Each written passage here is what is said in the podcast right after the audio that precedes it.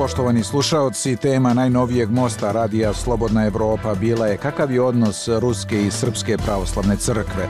Sagovornici su Davor Džalto, pravoslavni teolog i profesor na Univerzitetskom koleđu u Stokholmu i Vladimir Veljković, istoričar koji se bavi pitanjima religije. Bilo reči o tome da li je u pravo ruski patrijarh Kiril kada tvrdi da je Srpska pravoslavna crkva po kulturi i duhovnoj tradiciji najbliža Ruskoj, Da li se Ruska crkva kao najmoćnija u pravoslavlju postavlja prema Srpskoj i ostalim pravoslavnim crkvama kao stariji brat? I da li su Ruska i Srpska crkva slične po tome što i jedna i druga obuhvataju teritorije koje su izvan granica njihovih matičnih država? Razgovaralo se i o tome kako je Srpska pravoslavna crkva stala na stranu Moskovske patrijaršije u njenom sukobu sa Carigradskom patrijaršijom oko autokefalnosti Ukrajinske crkve, zašto patrijar Kiril tako snažno podržava rusku agresiju na Ukrajinu i da li svi vernici i sveštenici prihvataju takav njegov stav. Kako se Srpska pravoslavna crkva postavila prema ratu u Ukrajini, da li ona utiče na jačanje proruskog raspoloženja u Srbiji, koliko je ruski patrijarh Kiril blizak Putinu, a koliko srpski patrijarh Porfirije Vučiću, kao i o tome koliki je utice Ruske na Srpsku pravoslavnu crkvu. Most je pripremio Omer Karabek. Most Radija Slobodna Evropa. Dialogom do rješenja. U današnjem mostu razgovarat ćemo o tome kakav je odnos između Ruske i Srpske pravoslavne crkve.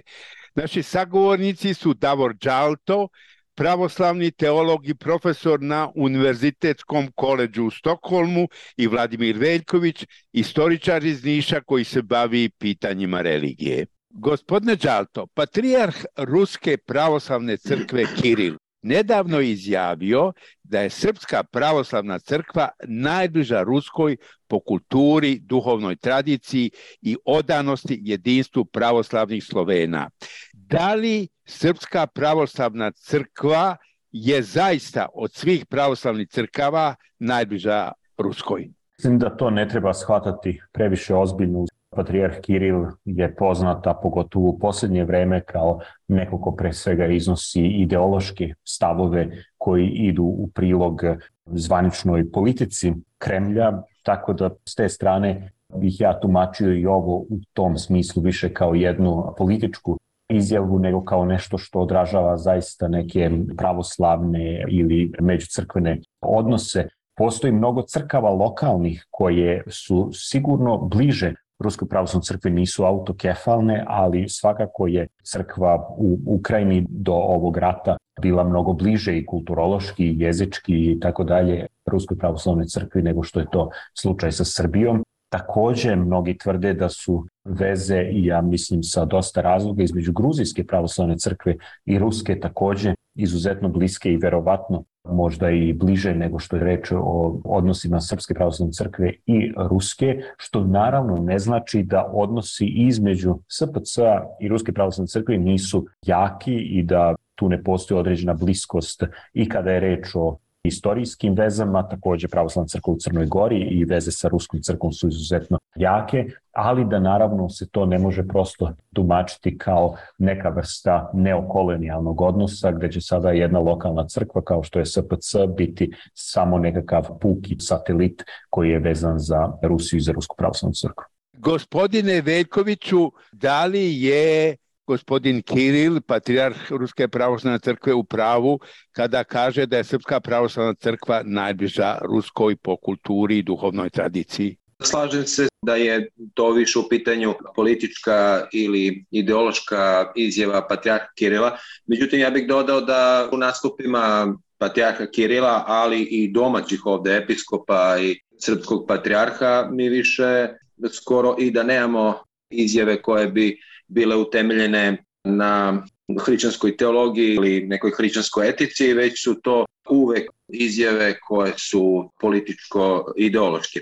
Ono što u zadnjih 30 godina zapravo interesno vezuje dve crkve, to je pitanje njihove kanonske teritorije. Obe crkve su bile priznate od drugih pravoslavnih crkava u granicama država koje više ne postoje. Kada je u pitanju Srpska pravoslavna crkva, to je Jugoslavija ili kraljevina SHS, kada je 1922. godine Vaseljska patrijačija priznala ujedinjenje pravoslavnih eparhija na jugoslovenskom prostoru u jednom novom organizacijnom obliku kao Srpsku pravoslavnu crkvu.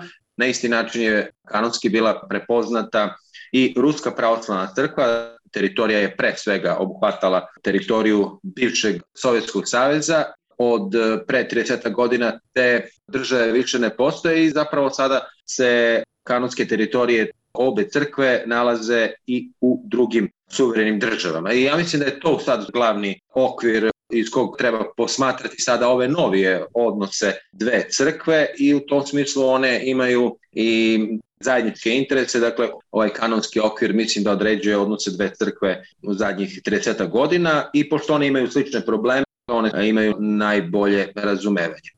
Gospodine Đalto, da li se Ruska pravoslavna crkva kao najjača i najmoćnija u pravoslavlju postavlja prema Srpskoj kao stariji brat? Mislim da to i često jeste slučaj, ali ne samo prema Srpskoj.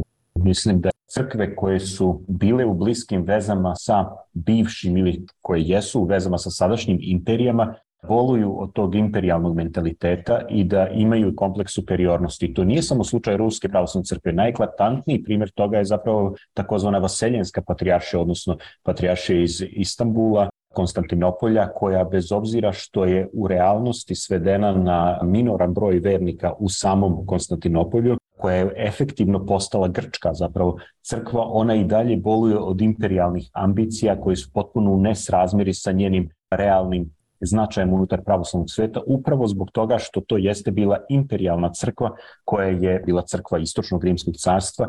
I to je nešto što imamo slučaj sa Ruskom pravoslavnom crkvom, dakle da to jeste crkva koja jeste jedna od važnih stavki, važnih oslonaca za neoimperialni projekat Rusije i samim tim ona gleda na ostale mnogo manje značajne, mnogo manje snažne pravoslavne crkve kao na nešto što u suštini jeste slabije. Imperije veoma često imaju tu tendenciju da koriste i da se oslanjaju na značajne religijske institucije kako bi u stvari ojačale te imperialne projekte. I tu ne postoji ništa specifično pravoslavno ili specifično rusko, to smo imali prilike da gledamo zadnjih stotina godina i na zapadu. Dakle, dinamika je tu uvek veoma slična. Značajne religijske institucije omogućavaju ideološku racionalizaciju političkih struktura moći i opravdanje imperialnih projekata, da li se oni zvali ruski ili anglosaksonski, to je sekundarno pitanje.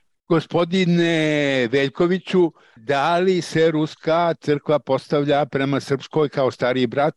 Sigurno da ima toga kada su u pitanju imperialne ambicije. Mislim da je ipak Ruska crkva prešla jednu granicu.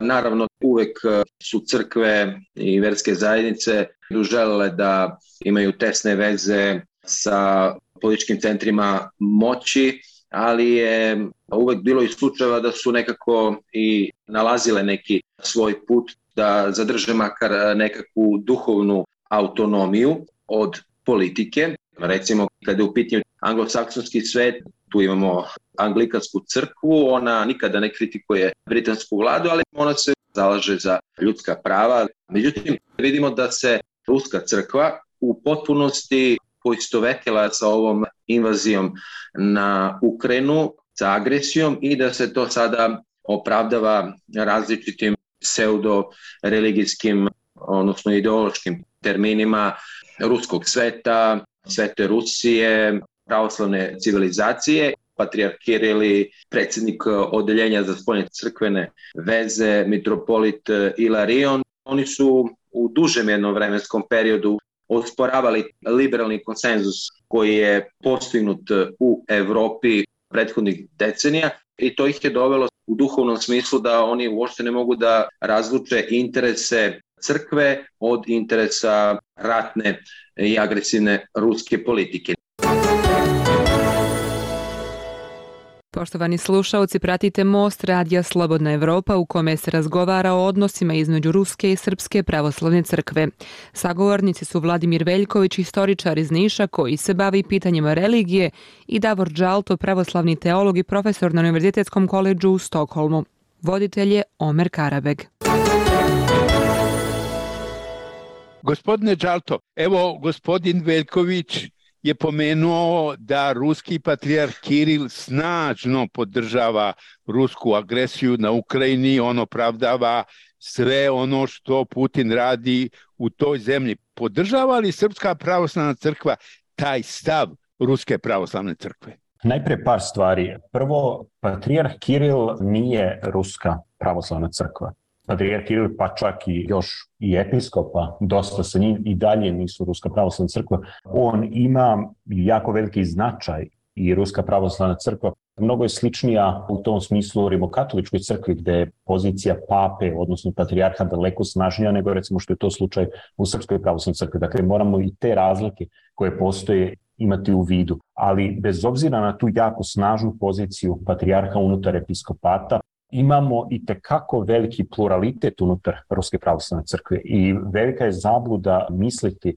to zaista može samo neko ko apsolutno ne poznaje situaciju unutar Ruske pravoslavne crkve, da je to sada reč o jednom unisonom bloku gde sada svi podržavaju ono što Kiril kaže ili svi podržavaju politiku Kremlja. To jednostavno nije tačno. Imamo mnogo različitih glasova i takođe to imamo u još mnogo većoj meri, rekao bih, unutar Srpske pravoslavne crkve, gde i na nekom formalnom nivou ne postoji neki jasan stav da je sada episkopat ili da je patrijarh zauzeo jedan jasan stav bilo podrške, bilo kritičkog odnosa. S jedne strane uvažavaju se istorijske veze sa Ruskom pravoslavnom crkvom i potreba da se one održe. S druge strane se takođe uvažava i to da je reč o jednoj invaziji, da je reč o ratu i da s te strane se ne može pružiti ni izbliza takva podrška kakvu recimo pruža Patrijarh Kiril. Takođe treba imati u vidu da je Srbija takođe bila izložena jednom imperijalnom projektu i bombardovanju, dakle agresiji NATO pakta 99. da s te strane možda postoji još jedna dodatan stepen opreznosti kada je reč o tome da se zauzme jedan stav koji neće nekritički ići ka podršci državnim projektima bilo kojim, uključujući i ruskim državnim projektima, jer postoji svest da imperije imaju svoju logiku, imperialni projekti uključuju puno toga što je protivno elementarnom osjećaju humanosti, da ne govorimo o nekom pravoslavlju ili hrišćanstvu, i da sa tim treba računati kada je reč o političkim projektima i konkretnim interesima. Gospodine Vekoviću, kako je vaše mišljenje? Podržava li Srpska pravoslavna crkva rusku agresiju na Ukrajini na način kako to radi ruski patrijarh Kiril? A možda ne na način na koji radi ruski patrijarh Kiril, ali mi vidimo da se usvajaju mnoge paradigme ili retorika kako se taj sukob vidi sa ruske strane. Pa tako recimo je patrijarh Juna na Liti u Beogradu govorio o sukobu civilizacija. To je nešto što se može čuti na ruskoj strani, u ruskim medijima, da je Rusija suprotstavljena celokupnom zapadu. Onda imali ste jednu delegaciju srpskih episkopa koja je otišla oktobra meseca u Rusiju i pružila podršku ruskoj crkvi. Kad je u pitanju Ukrajina, tu se naravno pričalo o tome da se Srpska crkva moli da se prekinu stradanje i to, ali ja bih e, rekao da to jeste na neki način stavljanje na stranu ruske crkve. Tako da, ako mene pitate, ja bih e, volao da je od strane episkopata ovaj rat e, osuđen, da je osuđena agresija. Naravno da je bilo osude rata kao rata, ali ipak je jedna strana je pokrenula agresiju. Mislim da će ovaj rat generalno biti veliki problem za jedinstvo pravoslavne crkve i on već to jest. Gospodine Đalto, koliko Srpska pravoslavna crkva utiče na snažno proročko raspoloženje u Srbiji? Evo vidimo da je prema poslednjim istraživanjima 80% građana na strani Rusije.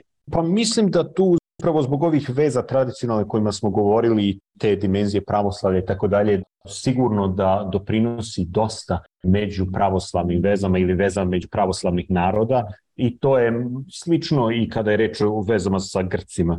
Recimo, nekakva percepcija bliskosti koja opet ima svoje utemeljenje u tradiciji i nekakvu ideju da je reč o dominantno pravoslavnim narodima, to ima svoj značaj. Mislim da se tu jako puno romantizuje jer to je više puta isticano u javnosti. Rusija nije mnogo poznata u srpskom kontekstu. Veliki deo građana Srbije u suštini ne zna gotovo ništa ili jako malo o Rusiji. Najveći deo nikada nije ni bio u Rusiji. Tako da je puno tu romantizacije i reč o nekakvim ideološkim i političkim projektima koji se naslanjaju na ideju neokonzervativizma koji se propagira iz Rusije ili određenih ruskih mislilaca koji propagiraju raznorazne političke ideje koje nalaze neko svoje uporište u Srbiji, opet koje služe onda nekakvim unutar srpskim polemikama i političkoj sceni, a nisu opet toliko vezane za Rusiju. Dakle, mislim da tu ima jako puno šumova i da zapravo jedno mnogo detaljnije poznavanje i situacije unutar Rusije i odnosa Ruske crkve i ruskog društva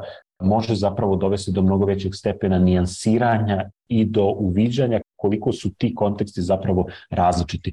Nemojmo zaboraviti još jednu stvar koja se redovno prenebregava kada se govori o aktuelnoj ruskoj politici i odnosu crkve i Rusije. Ideologija koju Putin, koliko možemo da sagledamo, iza koje stoji, koja se tiče evroazijskog konteksta okretanja Rusije od zapadne Evrope više ka azijskim partnerima i tako dalje, ta ideologija se ne oslanja isključivo, a možda ni pre svega na Rusku pravoslavnu crkvu. Ona podrazumeva multikulturalnost, ona podrazumeva i multireligioznost, gde je Ruska pravoslavna crkva zapravo samo jedan aspekt čitavog tog amalgama. I meni se čini da Ruska pravoslavna crkva, odnosno njeno vođstvo, mnogo više gura politiku bliskih odnosa između crkve i države, pokušavajući da brendira Rusiju kao pre svega pravoslavnu zemlju, dok zapravo politički vrh uviđa da to jednostavno nije moguće zbog same kompozicije stanovništva na teritoriji Ruske federacije, ali nije moguće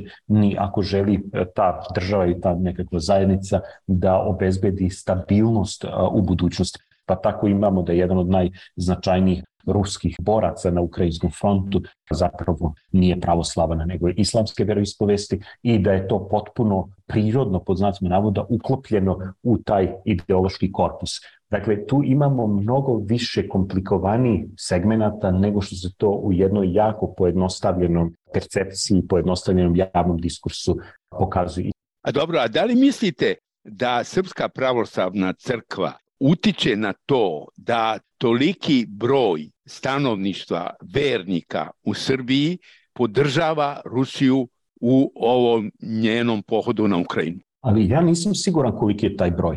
Ja 80%, poslednje istraživanje kaže 80%. Pa, znate, kad ta istraživanja su u Srbiji, ako želite da dobijete rezultate koje želite, onda organizujete neko istraživanje e, u Srbiji. Dakle, ja nisam ubeđen da je to zaista tako jer mnogo je bitno u tim stvarima i kako formulišete pitanje, u kom kontekstu i koja su pitanja koja prethode tome koji ćete odgovor dobiti. Ja bih bio jako oprezan sa tim brojkama. Ne bi sporio da postoji jako veliki broj, pa možda i dominantan, onih koji na ovaj ili na onaj način podržavaju Rusiju, ali mislim razlozi za to da su mnogo komplikovaniji. Jedna stvar može biti te veze tradicionalno pravoslavne percepcije bliskosti sa Rusijom, ali mislim kada bismo imali neka mnogo dublja i mnogo bolja istraživanja, onda bi nam ona pokazala da veliki deo podržava to iz percepcije političkih odnosa i onoga gde je Srbija bila u tim globalnim sukobima imperija i da otprilike, barem iz kontakata s nekim ljudima koje sam ja imao, da te mogu govoriti iz ličnog iskustva, tu sam često nailazio na taj mentalitet koji otprilike kaže mnoge države, uključujući i Srbiju, su bile žrtve američkog imperialnog projekta i stradale su zbog toga, pošto su bile mnogo slabe, nisu mogle ništa da urade u vezi sa tim. Konačno ima neko ko je mogao da se tome suprotstavi i da ta podrška ide sa te strane, a ne zapravo iz toga što najveći broj ljudi gleda sada u to šta će patrijar da kaže ili episkopi, pa će nužno slediti ono što oni kažu. To se u prošlosti pokazivalo kao krajnje sumnjivo objašnjenje za politički proces. Poštovani slušalci, pratite Most Radija Slobodna Evropa u kome se razgovara o odnosima između Ruske i Srpske pravoslavne crkve. Sagovornici su Vladimir Veljković, istoričar iz Niša koji se bavi pitanjima religije i Davor Džalto, pravoslavni teolog i profesor na Univerzitetskom koleđu u Stokholmu. Voditelj je Omer Karabeg. Gospodine Veljkoviću, koliko Srpska pravoslavna crkva utiče na veliku podršku Rusiji u ovom ukrajinskom ratu, veliku podršku stanovništa Srbije?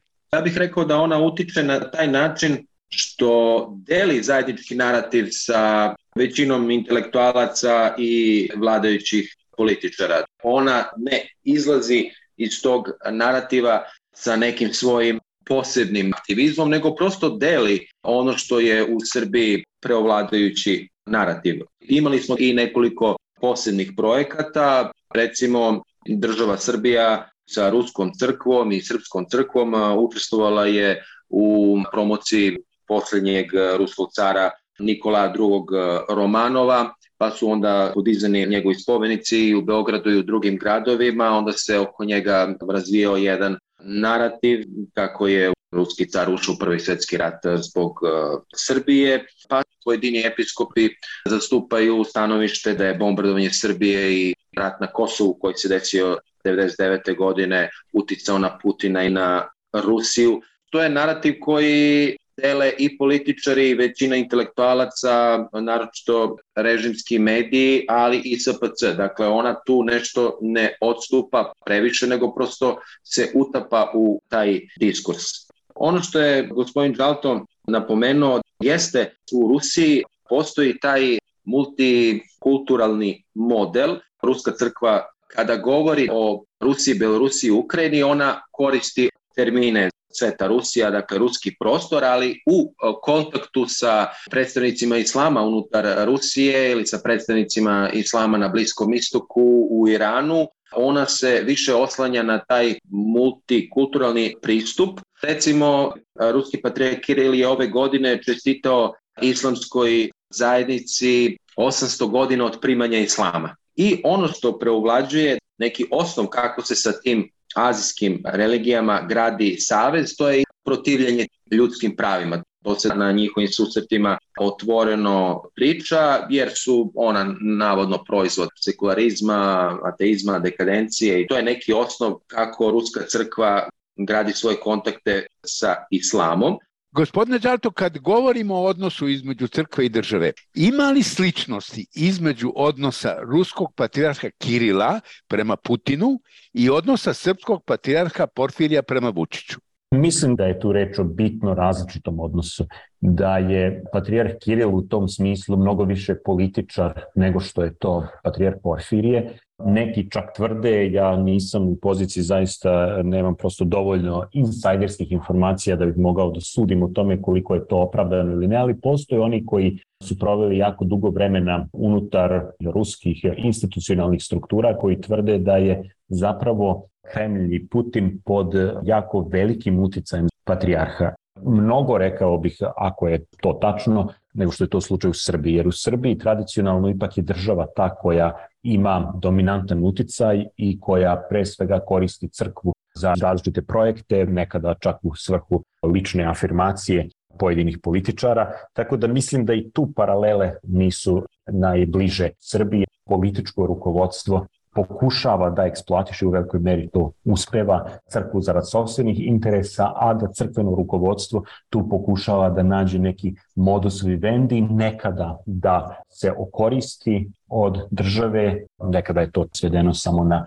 finansijske interese podrška ovim milionim projektima, ali da uglavnom je to disproporcionalno dok kada je reč o ruskom kontekstu mislim da je tu situacija ipak drugčija i da je taj balans u odnosu ko koga tu iskorišćava između crkve i države daleko više srazmera nego što je to slučaj u Srbiji. Gospodine Veljkoviću, ima li sličnosti između odnosa ruskog patrijarha Kirila prema Putinu i odnosa srpskog patrijarha Porfirija prema Vučiću?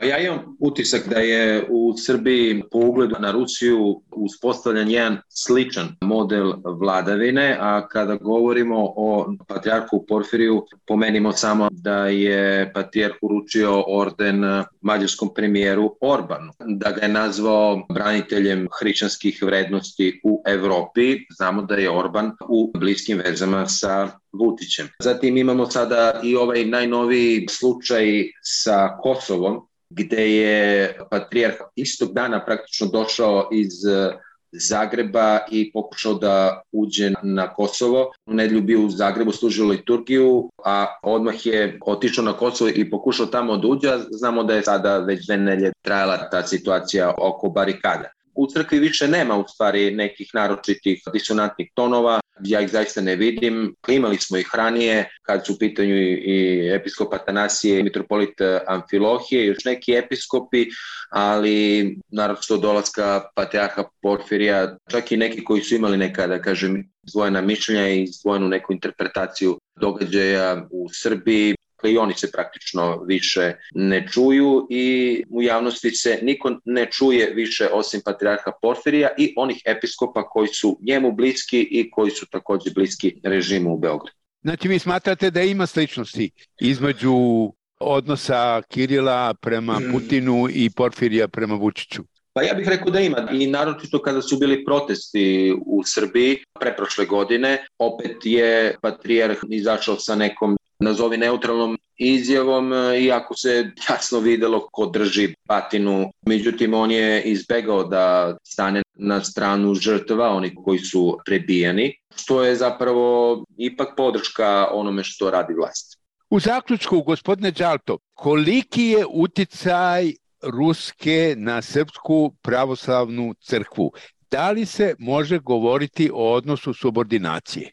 Mislim da je previše bilo reći da je reč o odnosu subordinacije, ali ne bih pocenjivao niti umanjivao uticaj koji mislim da je prilično veliki. Izneli smo već razloge zbog čega je to tako. Koliko tačno je taj uticaj veliki u odnosu na neke druge uticaje, to je zaista teško reći i mislim da se često i prenaglašava, pre svega zbog aktuelne situacije, Mi imamo, pored ruskog uticaja, i jak uticaj grčkih crkava takođe, imamo uticaje koji nisu crkvene prirode, koji su možda i značajniji od ovih unutar crkvenih. Dakle, uticaj postoji, ne treba ga minimizirati, ali mislim da ga ne treba ni prenaglašavati, što je veoma često slučaj. Kako je vaše mišljenje, gospodine Veljković, može li se govoriti o odnosu subordinacije kad je reč o odnosu Ruske i Srpske pravoslavne crkve, odnosno da li pravoslavna crkva u Srbiji gleda na Rusku kao na nekakav uzor? Rekao bih da su se poklopili interesi srpske i ruske crkve. Poslednjih 20-30 godina, a naročito od e, crkvenog pitanja u Ukrajini.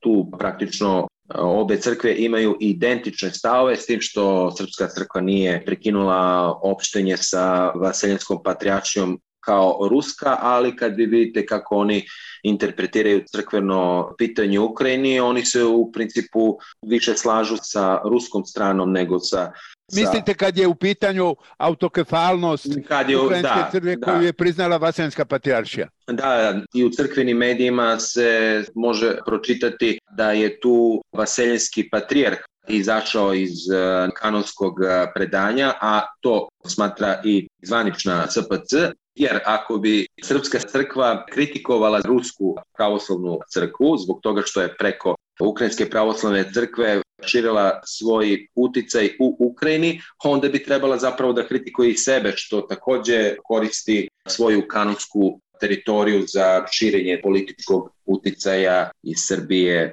Tako da mislim da su u pitanju zajednički interesi, ne znam dok će to odvesti jednu i drugu crkvu, a i celokupno pravoslavlje. A postoji li odnos subordinacije? Ne bih rekao, ne bih rekao. Dobro, ako se slažete, ja bih sada završio ovaj razgovor. Hvala gospodine Đalto.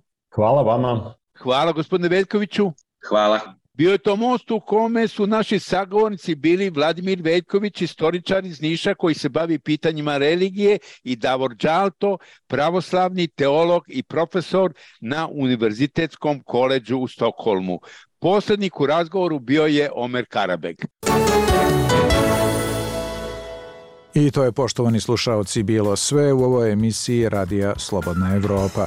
Kao i obično možete nas pratiti na web sajtu i društvenim mrežama. Ostanite zdravo.